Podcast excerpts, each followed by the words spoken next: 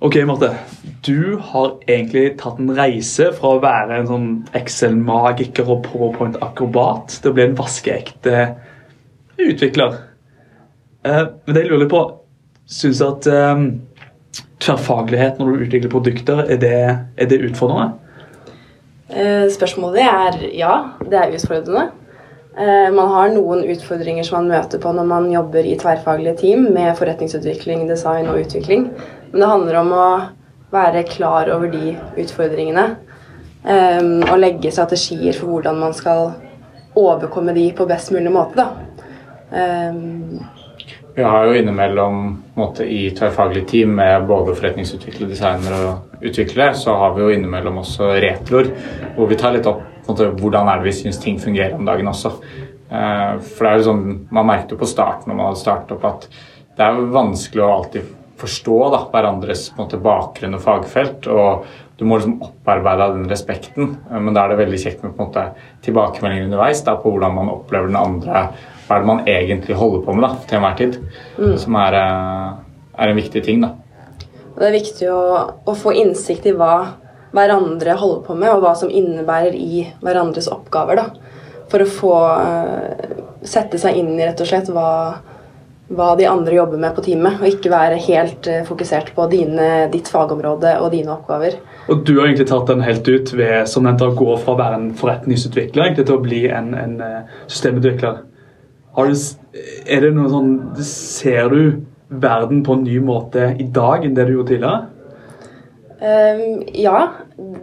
Jeg tar jo fortsatt med meg det jeg har lært i forretningsutviklingsperspektivet. da.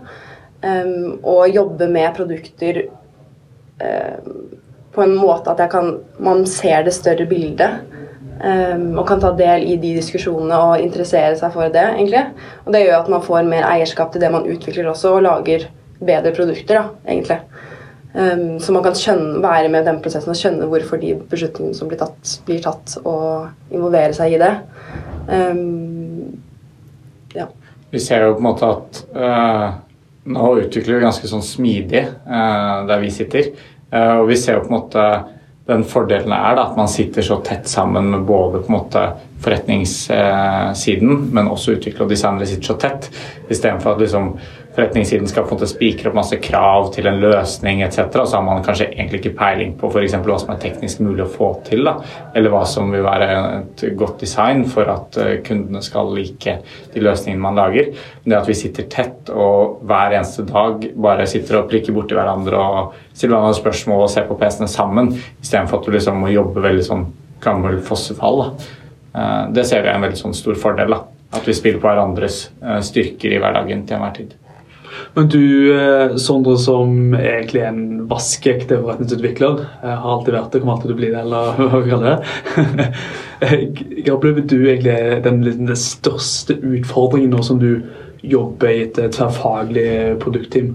Det jeg opplever som største utfordringen, er at jeg fungerer litt som en litt sånn mur mellom måte, hele organisasjonen og hele utviklingssiden. Eh, og det er hvor forskjellig tankesett man har. da.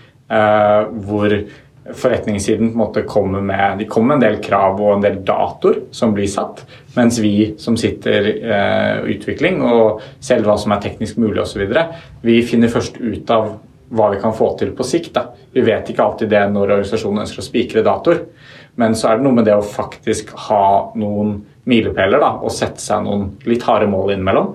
Eh, noen ganger når du de, andre ganger ikke. Men det må man ha en gjensidig forståelse for. at Greit, vi kan godt sette noen eh, deadlines, men da må vi også være klar over litt hva det innebærer. At man har ikke helt startet dette her. Og vi må sammen finne ut av om dette er mulig, og hva, det, hva skal løsningen faktisk inneholde da, når man kommer til det punktet. Eh, og Der tror jeg man må ha en respekt for at vi kan godt sette datoer, men vi må være åpne for at ting kan endre seg. Mm.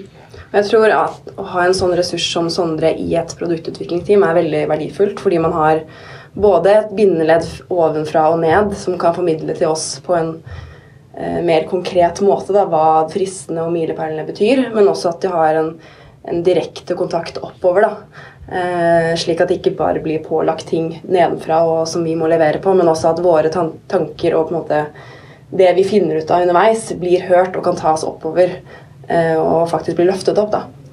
Eh, ja. Og når man så skal ha en veldig høy fart da, på utviklingen, så er det kjekt at på en måte, designerne og utviklerne slipper å bruke mye tid på å løfte sånne ting og sitte i de diskusjonene. For da kan vi på en måte fortsette å ha den farten vi har. Men så kan jeg på en måte ta med de diskusjonene da, som oppstår imellom. Men så må man jo passe på også at jeg ikke bare sitter her alene basert på det jeg har hørt. Uh, og Det er da det er veldig viktig å på en måte involvere også.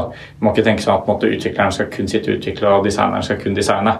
Vi har veldig mange møter hvor vi sitter samlet og diskuterer forretningsting.